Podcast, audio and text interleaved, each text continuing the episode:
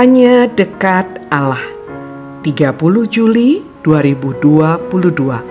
Persahabatan semu. Lukas 23 ayat 8. Pada hari itu juga bersahabatlah Herodes dan Pilatus.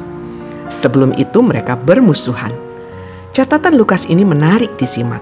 Semula kedua pemimpin itu bermusuhan. Sekarang mereka bersahabat. Pertanyaannya, mengapa mereka berdua bisa menjadi teman. Baik Pilatus maupun Herodes sama-sama menganggap bahwa diri mereka berkuasa. Di hadapan mereka berdiri seorang yang telah dirampas kebebasannya, dan mereka merasa bisa memperlakukan sang pesakitan itu sesuka hati mereka. Sepertinya itulah yang membuat mereka merasa segelombang, sama-sama bisa mempermainkan Yesus orang Nazaret. Namun demikian, persahabatan kayak begini tak kekal sifatnya, sebab dasarnya adalah kejahatan.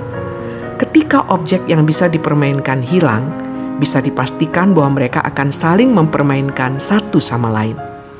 Dan persahabatan itu pun kembali lagi menjadi permusuhan. Demikian seterusnya seperti siklus. Sesungguhnya keduanya memang pribadi yang kejam Pilatus dikenal sebagai pribadi yang suka mengambil nyawa orang lain kapan saja. Tercatat bahwa Pilatus pernah mencampur darah orang Yahudi dengan darah kurban yang hendak mereka persembahkan kepada Allah.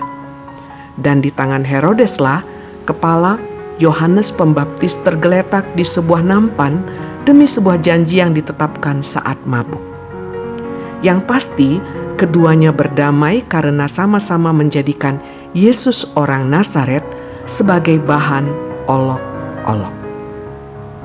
Salam semangat dari kami, literatur perkantas nasional. Sahabat Anda bertumbuh.